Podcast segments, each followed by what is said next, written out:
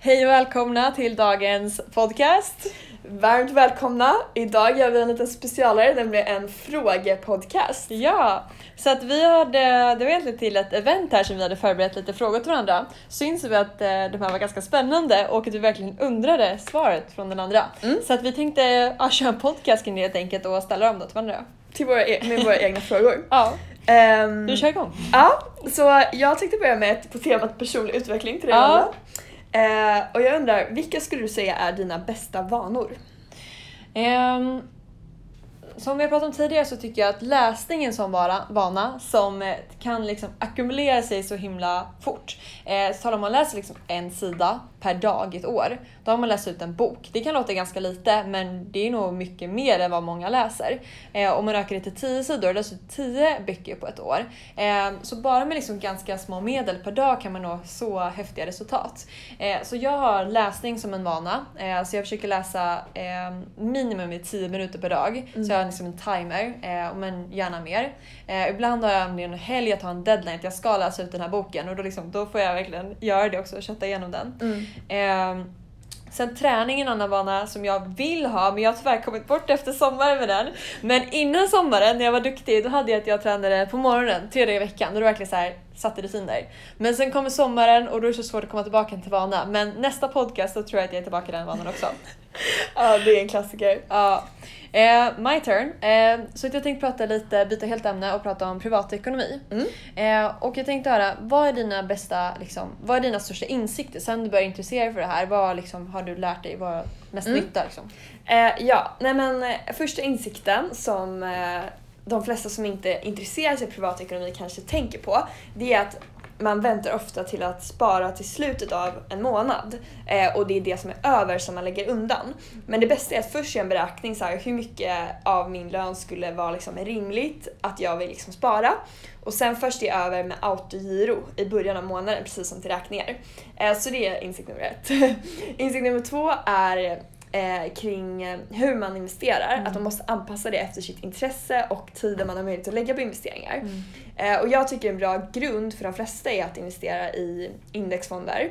Eh, och det finns globala indexfonder, det finns svenska indexfonder och då får man känna efter eh, vad man själv tror på. Eh, men att investera enskilt i aktier, eh, det behöver man lägga mycket tid på att hålla sig informerad. Både innan köpet av aktier och efter man har köpt aktier.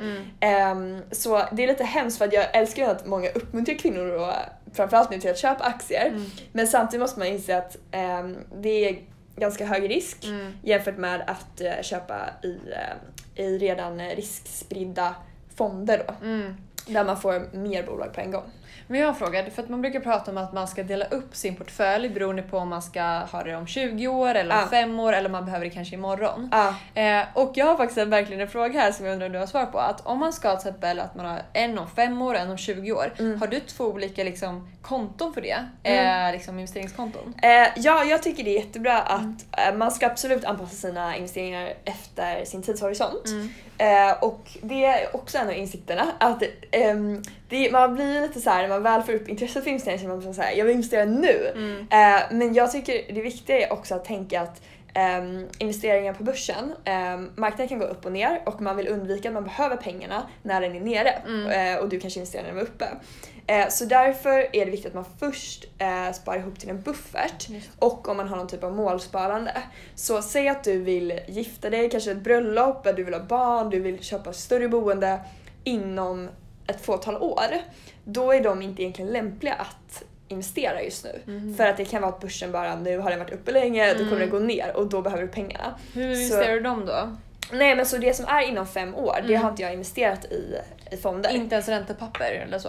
Eh, jo men man kan ju typ till exempel lägga dem på konton som har lite ränta Ja. och sånt där. Eh, men jag känner att det som är ganska kortsiktigt, Mm. eh, där ska man ha en, det är många pratar om också, en fuck off buffert. Ja. Alltså att man ska kunna eh, skilja sig, man ska kunna sluta på sitt jobb eller vad man nu ska, kan behöva liksom, oväntade kostnader till.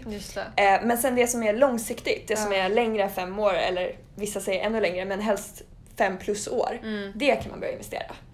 Eh, så där måste man göra någon slags uppdelning vad man behöver nu och vad man kan tänka sig spara i framtiden. Just det. Och bara en liten följdfråga. Så du vet att du följer väldigt många bloggar som Mm. handlar om privatekonomi. Mm. Och en del av dem har som tema att de ska bli ekonomiskt oberoende inom en viss ålder. Det kan vara 30 år, 40 år, 50 år. Mm. Eh, men temat är samma då att de sparar en större del av lönen än kanske andra människor, så kanske upp till 50% eller så. Eh, och jag tänkte höra, vad tycker du om detta? Ehm, ja, men jag älskar att läsa om det här Mm. för jag älskar att läsa om människor som går en unik väg. De Mm. går mot gruppen och, eh, eller majoriteten och det är jätteintressant att följa. Eh, jag tycker det är jätteintressant för att just frihet och att tid är nästan idag mer värt än konsumtion eller pengar eller så här, på grund av att jag tror faktiskt att eller man, det är bevisat att konsumtion inte leder till lycka Mm. och många blir lyckliga och, och när man har mycket tid då, och inte känner sig ekonomiskt beroende på något sätt Mm. ehm, då ehm, har man ju mer möjlighet att göra vad man vill med sin tid och det som faktiskt gör en lycklig. Mm. Eh, och det kanske är för någon att volontärarbeta eller att gå ut med sin hund varje dag och verkligen lägga tid på sina barn eller vad det kan vara. Mm. Så jag tycker det finns jättemycket fördelar med det här konceptet. Just det. Ehm, men sen kan man göra det på olika extrema nivåer. Att vissa kanske det liksom till, ja nu, det finns en blogg som gjorde det nu när han var 40, men även liksom 50, 55, alltså, eller bara att liksom när man väl är pensionär att man har liksom en bra Mm. uppsparing. Och just friheten det ger, att du liksom kan åka iväg och resa ett helt år om du vill det. Mm. Det är ju fantastiskt. Ja, bara möjlighet att känna att du kan göra vad du vill. Mm. Det tror jag är väldigt, en väldigt härlig känsla som många skulle kunna ha. Alltså inte bara genom att försöka gå i förtidspension om man ska säga, utan bara Ja. genom att eh, bygga upp ett sparande. Mm. Men jag tror många tänker på avvägningen mellan att leva nu, att liksom göra roliga grejer och sen så att spara till framtiden. Ja. Hur ser du på den liksom, avvägningen? Ja, det är ju verkligen en, så här, en avvägning. Ja. Eh, jag tror att ehm, det första liksom, uppdelningen man ska tänka är liksom, är det här eh, materiellt eller är det mer upplevelser? Mm. Och är det mer upplevelser så skulle jag tillåta det mer. Mm. Det skulle liksom få ett högre betyg Mm. än om det är eh, något materiellt. Ja. Ehm, Men det kanske är bra att ha tydliga mål, att jag ska spara x antal procent av min lön. Mm. Och att man känner att efter, de här pengarna får jag njuta ja, av. Får jag de kan känna lite fri med. Exakt. Ja. Så anledningen till varför man ska planera sin ekonomi lite tycker jag att man inte ska behöva tänka på ekonomin. Mm. Det låter så här motsägelsefullt. Mm. Men om du aldrig har tänkt på din ekonomi då kanske det ändå blir lite gnagande. Ah, ska jag göra så eller så? Hur kommer det Ja. gå med det här? Men har du tänkt först, satt upp en strategi och plan, då kan du släppa det sen. Just och så det. bara följer du den som Skalman. Liksom. Ja. Det är lite mitt mål, att kunna liksom fokusera på annat i livet. Ja. För att det är redan satt en plan och en tydlig strategi. Just det. Gud vad Mm. bra. Jättebra Mm. svar. Min tur att besvara frågan. ja, exakt. Ehm, ja, kan du berätta lite om ehm, Dig själv. eh, vad tycker du är det bästa med att driva eget bolag? Eh, som vi pratade lite om, friheten. Det tycker jag är helt fantastiskt. Eh, och vissa kanske tolkar det som att ah, men, liksom, du kan ta sovmorgon varje dag, men så är det inte. Utan snarare att man har, att man har möjligheten att liksom, styra sin egen arbetstid. Ehm, och sen så i praktiken, då jobbar vi som alla andra. Det är liksom, liksom tidiga morgnar och sena kvällar. Ehm, men just friheten att om man till exempel eh, ska åka bort en dag på en vardag, då kan man göra det. Eh, bara man liksom ser till att någon annan då kan hjälpa att ta något möte om man har det och så in- inbokat. Mm. Ehm, så friheten och också att veta att man bygger för sig själv. Att man liksom att det är liksom dubbelt intresse då att man har eh, ja, men andel, att man äger ett bolag som man bygger upp. Det blir så motiverande och det, det gillar jag mest av allt tror jag. Eh, så jag vet att ditt mål också det är att aldrig mer behöva söka ett jobb. Jag gillar det målet. att liksom att eh, man alltid ska bygga saker för sig själv för det är en fantastisk känsla faktiskt. Mm. Mm. Bra svar. Ja.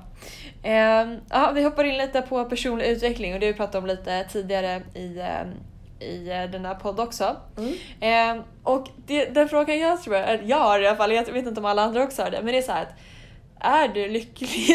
Nej, men är du lyckligare nu sen du började intressera dig för ämnet än du var innan? För det går ju inte att se Ja. när man börjar träna och han är så vältränad eller inte vältränad, det ser man så tydligt. Men man ser inte liksom... Ah, nej, jag fattar. Du ser inte att jag är lycklig. Jo, jo, alltså jag verkar jättelycklig men jag, Nej, jag skojar bara. jag kommer inte ihåg.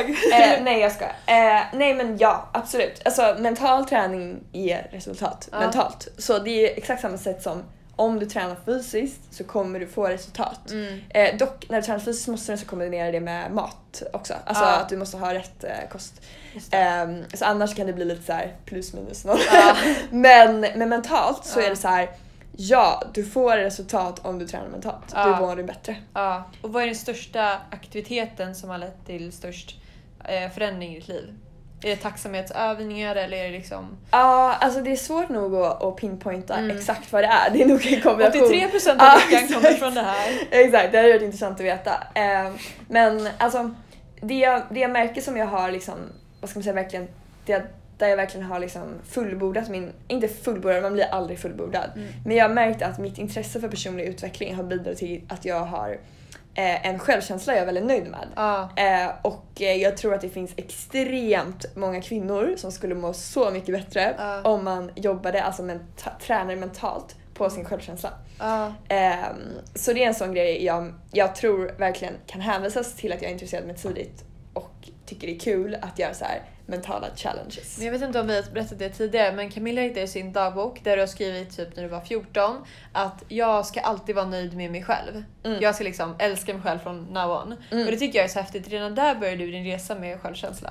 Ja, och jag skrev väldigt tidigt att ah, jag tycker om min kropp. Ja. Och sen så ändrade inte jag på det statementet. Mm. Eh, och mycket handlar om det, affirmationer. Eh, det låter så här, kanske lite flummigt eller svårt Mm. ord, men det handlar om vad man, hur man ser på sig själv, sin självbild. Mm. Ehm, och den försöker man hela tiden leta bekräftelse för. Mm. Så om du börjar med en bra affirmation då kommer du leta bekräftelse av andra, eh, alltså inte bekräftelse på ett dåligt sätt utan Mm. du kollar i världen att den stämmer. Mm. Så om du ser på dig själv på ett dåligt sätt då kommer du hitta bevis för det. Just det. Och om du ser dig själv på bra så kommer du hitta bevis på det. Så att det är något känt citat som jag inte kommer kommer ihåg vem som sa nu men det är så här: whether you think eh, it's typ true or not you're usually right. Ja. Eh, och det innebär att du kollar efter vad du redan tror. Liksom. Mm. Och det är som exemplet med en kille som eh, går fram till en tjej på, på en bar.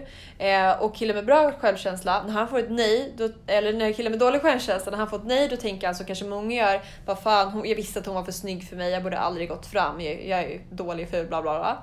Men killen med bra självkänsla, när han får ett nej då tänker han, hon var säkert lesbisk eller hon har säkert pojkvänner eller vad det nu kan vara liksom. Ja. Så att eh, man, man, man bekräftar hela tiden, tiden sina ursprungliga tankar. Exakt. Och därför är det så viktigt att tänka rätt tankar från början. Exakt. Och det är lite som att programmera en dator. Eller så. Mm. Det finns en bok som heter Mindhacking som jag har börjat lyssna på. Ja. Eh, och det, den jämför mycket programmering i dator med hur man kan programmera sin hjärna. Ja, Eh, och det är lite så man kan se sin hjärna lite mer som ett verktyg och inte Ja. någonting man själv styr över utan något man själv kan styra. ja, Eh, och det är lite så nyckeln till personlig utveckling, att förstå att du är ansvarig. mm, Eh, och du har ett verktyg du kan programmera. mm. Och sen bara se till att liksom programmera den och sen kan du släppa det och så, eh, så är den igång den maskinen liksom, på rätt Ja, sätt. Eller på det sätt som gynnar dig långsiktigt. Så vi pratade om det här att man ska ha det som skolämne. Eh, nu går vi från frågan lite, men vi säger att det var en fråga. Och då undrar jag, hur hade, du, eh, hur hade du lagt upp den utbildningen som skolan? Vad hade du liksom fokuserat på för områden? Eh, jag hade fokuserat eh, mycket då på självkänsla. Mm. Eh, mycket på den mod- modell, modell, stammar lite. Mm. modellen vi har pratat om tidigare som Mm. är att tankar leder till känslor som leder till, nej förlåt, omständigheter är det första. Omständigheter, de tänker man något om, som leder till känslor. Som de känslorna leder till hur man handlar och handlingen leder till ens resultat. Och den här kommer från The Life Coach Podcast. Eh, och eh, den hade jag lärt ut till alla för den tycker jag är en väldigt viktig grund att förstå. Eh, och sen så hade jag delat upp det i att man lärde sig teoretiskt om ett område och sen att det alltid fanns uppgifter kopplade Mm. till dem. Just det. Eh, så om ni vill lära er, alltså göra uppgifter, så finns det bland annat i happysmart.com som är boken, äh, som är hemsidan till boken If you're so smart why aren't you happy? Mm. Och även i vår bokcirkelbok Seven habits eh, of highly effective people har också uppgifter. Eh, så just uppgifter, att genomföra dem, Mm. det tycker jag är bästa sättet att utvecklas mentalt. För att det är samma sak som att gå till gymmet fast Mm. mentalt. Just det, just det. Mm. Det är som att man säger jag ska träna och men sen så tränar man inte. Och det är Mm. samma sak som att tänka kanske och sen så gör man inte liksom verkliga actions och uppgifter. Ja, ja man behöver både och liksom. Sounds eh, logiskt. Ja, Eh, ja okej. Mm. Um, mm, Vendela, har du tips på rutiner man kan ha i ett veckomöte? Alltså i en startup? Ah, ehm, ja, om oss själva då, om vi utgår från oss. Mm. Eh, vi kanske inte är bäst, men det vi gör är att vi varje måndag då, vi har ett, ett möte. Mm. Och eh, där har vi då mötet innan satt upp olika mål, så kallade KPI, Key Performance Index, eh, där vi eh, sätter mål för vad vi ska uppnå för veckan. Ehm, och det det härstammar från att vi har liksom årsmål, vi har också treårsmål och femårsmål, men att vi har ett årsmål om exempelvis antal eh, kunder eller omsättning, vad det nu kan vara. Sen bryter vi ner det då till veckomål. Eh, och ibland kan det vara lite svårt att veta, liksom, man kan ju säga superkorrekt att jag ska omsätta en miljon det här året, då ska jag omsätta liksom en miljon delat på 52 varje vecka. Men det är också viktigt att veta vilka liksom actions som faktiskt leder till den omsättningen. Det kan till exempel vara att du ska kontakta x antal kunder. Eh, så vi försöker sätta så många liksom, lämpliga mål som möjligt. Eh, och sen då varje vecka på, på måndagen så går vi igenom dem och kollar lite hur det har gått och eh, främst också dra lärdomar av det. Eh, så till exempel om det har gått väldigt bra en vecka, då diskuterar vi vad och vad som gjorde det så bra. Om det har gått mindre bra diskuterar vi det. Eh, så hela tiden analysera vårt beteende och förändra det om, eh, om det så krävs. Mm. Så att, eh, att sätta upp liksom tydliga mål varje vecka, det tror jag är superbra. Mm. Grymt. Grymt. Okej. Okay. Um, då är det nästa fråga här, bara välj och vraka här eh, bland frågor. Eh, jag undrar, lite investeringar. Eh, när kommer du liksom göra din första stora så här, investering i ett startup? Så här, Camilla Ninin investerar 100 miljoner. Eh, jo men det är verkligen något, när jag visualiserar min framtid och min vision så ser jag verkligen att jag kommer fortsätta jobba med startup-investeringar. Mm. Jag tycker det är extremt roligt och det är någonting jag planerar att ha i mitt liv eh, för evigt. Mm. Just nu så investerar vi lite via Calora. Mm. Eh, så jag känner att det liksom, där får jag en dos av det där. Känslan av att man, är, att man är med på resan ja. liksom. Um, så jag får se när jag gör liksom min första privata. Mm. Uh, men just nu känner jag mig väldigt nöjd med att göra det via bolaget som jag ändå äger. Liksom. Ja. Mm. Men om du skulle investera, eh, hade du haft någon sorts preferenser kring stadie eller liksom, eh, bransch? Vad hade du föredragit för bolag att gå in i? Om mm. du gjorde privat nu bara. Uh, jag gillar det stadiet vi börjar vara i en del nu med vår, alltså de bolagen vi jobbar med. Mm. Uh, och det är liksom att man har kommit upp i omsättning mm. och jag skulle gärna liksom, jag vill se den där där första liksom, tractionen. Mm. Eh, och sen så att man kanske söker typ 10 miljoner och så här, gå in mm. i de eh, storlekarna på rundorna. Just det. Alltså inte att jag behöver ta hela rundan men ah. eh, när man verkligen har kommit igång med lite användare och, eller intäkter eller sådär. Just det. Och gällande bransch då, vad hade du föredragit då? Så jag kan säga vilka bolag, tre bolag jag hade investerat i idag då. Ja, spännande. Om jag skulle investerat. Eh, jag skulle investerat i eh, Karma. Mm. Eh, för att eh, jag älskar deras business model. Mm. Eh, och det finns även en som är eh, lite liknande fast business to business. Men jag, jag skulle nog ändå valt Karma. Ehm, och för jag bara allmänt vill stötta den utvecklingen med Matsving. Mm. Eh, sen skulle jag faktiskt också investerat i Hedvig för jag tror det kommer gå väldigt bra för dem. Det är min känsla. Mm. Eh, och jag tycker att de har hittat en bra eh, liksom proposition till kunder. Så lite kort vad de gör, kanske båda bolagen. Mm. Eh, Karma gör så att eh, kaféer och restauranger kan eh, sälja sitt matsvinn billigare mm. eh, till, via en app då. Så det är jättebra om ni vill köpa rabatterad mat. Eh, Hedvig de använder AI och gör så att du mycket snabbare kan få pengarna för en försäkring att det har hänt någonting. Eh, och de gör det då ja, mer istället för att du behöver fylla i en jobbig blankett liksom. Eh, och sen skulle jag även investerat i, kanske i faktiskt, jag tror det kommer gå bra för mig i alla fall, Hyber. Eh, som gör, eh, de gör att ehm, man kan hyra kläder till sitt barn eh, och sen så byta ut dem efter de växer ur dem och sådär mm. och det mm. tror jag är väldigt smart och miljövänligt. Jag älskar den typen av kombinationer mm. eh, i och med att eh, barnen växer snabbt och mm. slipper man köpa och sälja massa kläder utan istället kunna hyra. Då. Ja. Men det känns just det sista bolaget med Hyber, det är ju delningsekonomi-principen. Eh, att man inte ska äga grejer utan istället kan dela det. Och det är mm. samma sak som många förespår nu med självkörande bilar. Att det kan bli, eh, för nu när man köper en bil, då är det liksom, man har ju utgifter hela tiden med det. Eh, men att det i framtiden kan bli som en investering. Att när du inte använder bilen, då kör du runt som en taxi och tar andra kunder. Mm. Och att det blir som en delningsekonomi där också med bilar. Så det känns som att vi är på väg dit mer och mer. Ja. och det finns ju i USA, Rent a Runway heter de här som vi lyfte fram förut. Ja. Um, och det känns som en tidsfråga innan det liksom bara slår igenom stort också i klädbranschen. Ja förhoppningsvis. Mm. Det hade ju varit eh, grymt om man inte ägde så mycket utan istället liksom eh, delade på saker. Skulle du vilja göra det själv och hyra kläder exempelvis? Eh, jag hade absolut kunnat tänka mig att hyra kläder om eh, det var till rätt pris mm. eh, och kanske så på månadsbasis och eh, man kanske fick fri tillgång till en garderob bra på något mm. sätt. Eh, det hade jag absolut kunnat tänka mig. Ja. Inklusive accessoarer. Mm. Intressant. Ja, ja, Bra bolag du valde. Ja, sen finns det ju massa andra grymma så det här var lite också top of mind. Ja. Eh, men så ni får lite känsla av varför Bolia gillar det. Ja. en liten sneak peek. ja, det är jättebra. Okej, dags för det då. Ehm, ja, har du några tips för hur man blir produktiv eller effektiv på jobbet? Eh, ja, jag faktiskt, jag insåg en grej igår. Eh, och det är så att vi har ju ganska mycket samtal och möten. Eh, och faktiskt, jag tror att det är någon sån här grej att om man blir distraherad, när jag jobbar till exempel och så ska jag ta ett samtal. Efter samtalet då tar det x antal, det är typ jättelång tid, så här 40 minuter innan man kan återgå till sitt arbete. Så att igår förmiddag, då hade jag en hel förmiddag jag inte hade några samtal inbokade. Och det var helt otroligt vad man kan komma långt om man bara helt får fokusera. Mm. Så att mitt tips är att ha liksom olika block där du gör grejer och inte tillåta, tillåta någonting annat. Och jag märker det att när jag läser till exempel i en bok och jag har så att de här 10 minuterna ska jag bara läsa. Ändå kommer jag på just det här mejlet måste jag svara på, jag måste avbryta det här bara för att svara på mejlet. Nej, jag tror man, man ska inte. Så att, liksom, att lära dig att verkligen fokusera och att inte bli distraherad. I värsta fall, ha penna och papper vid dig, skriv ner det du måste göra Mm. och gör det efter. Men våga liksom vara effektiv i block.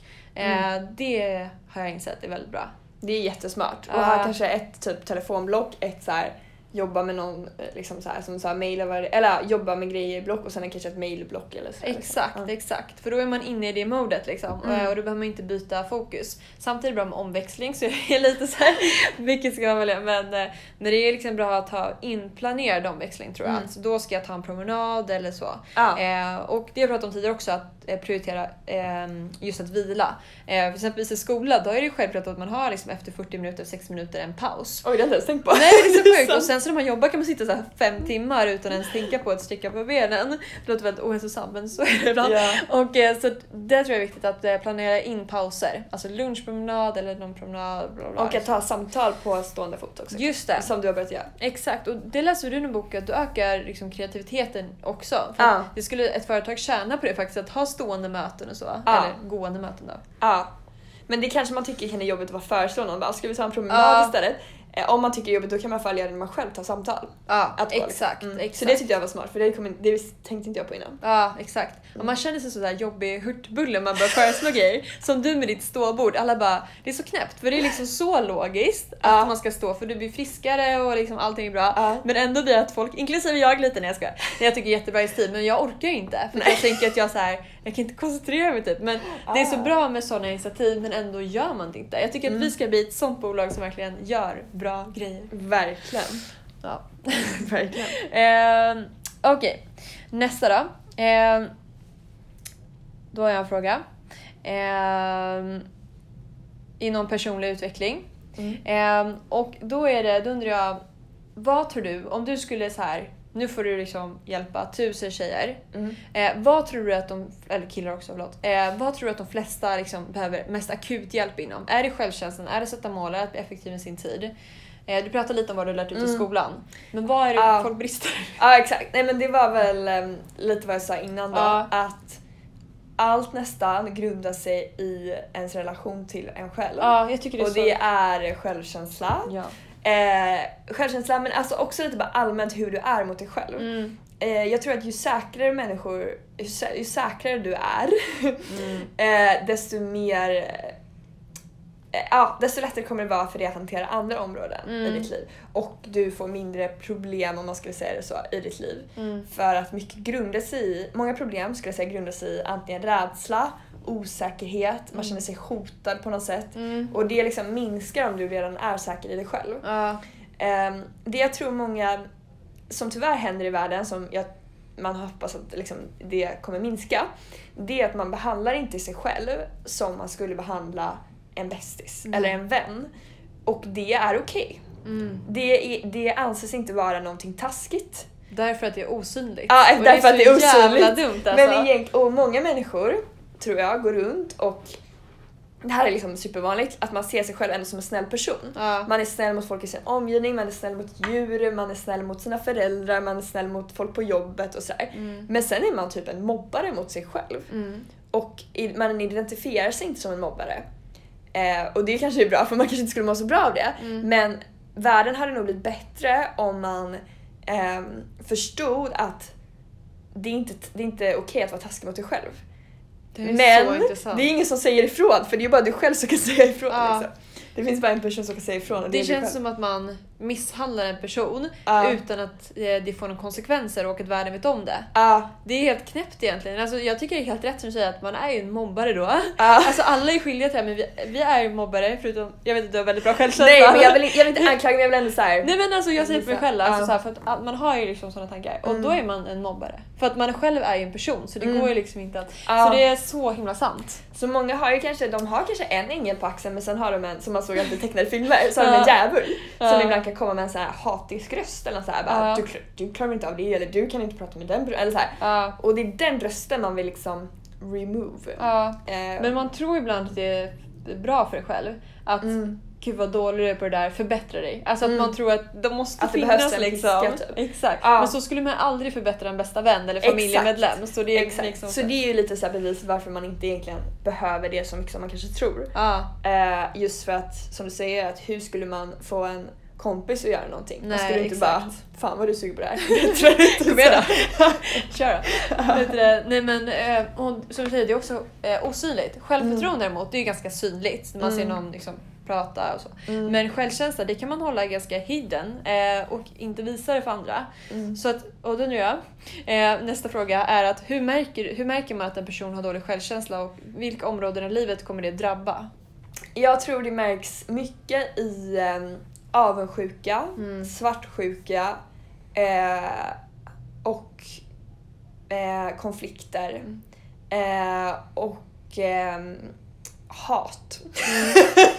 det var de områdena. Ja. Eh, för de grundar sig mycket i som de grejerna jag sa innan då, att man känner sig hotad eh, på någonting som är värderat mycket för en själv. Och Mm. man, avundsjuka och eh, svartsjuka handlar mycket om att man eh, tror att någon annan Mm. eh, svärde eller hur den ses på, på, alltså att det bara finns limited supply liksom. Ja. Det finns bara en viss antal människor som kan vara framgångsrika, eller vad det nu kan vara. Ja. Eh, och inser man att, så här, att man fokuserar på sig själv Mm. eh, mer, då behöver man inte känna den här eh, konkurrens och sånt där. Just det. Mm. Och eh, nu kommer jag att tänka på, det är exakt samma sak varför eh, kvinnor eh, senaste kanske årtiondena när de har kommit in i arbetskraften, Ja. att de har känt att eh, konkurrens mot varandra. Ja. Just för att det är ofta kanske en kvinna på arbetsplatsen, det är liksom en kvinnlig chef på hela bolaget, alltså avdelningschef. Mm. Eh, så därför är det bara en som kan få platsen. Ja. Och det är där, samma sak där, man känner ju avundsjuka då. Eller Ja, liksom så. och om man då har lite kanske då,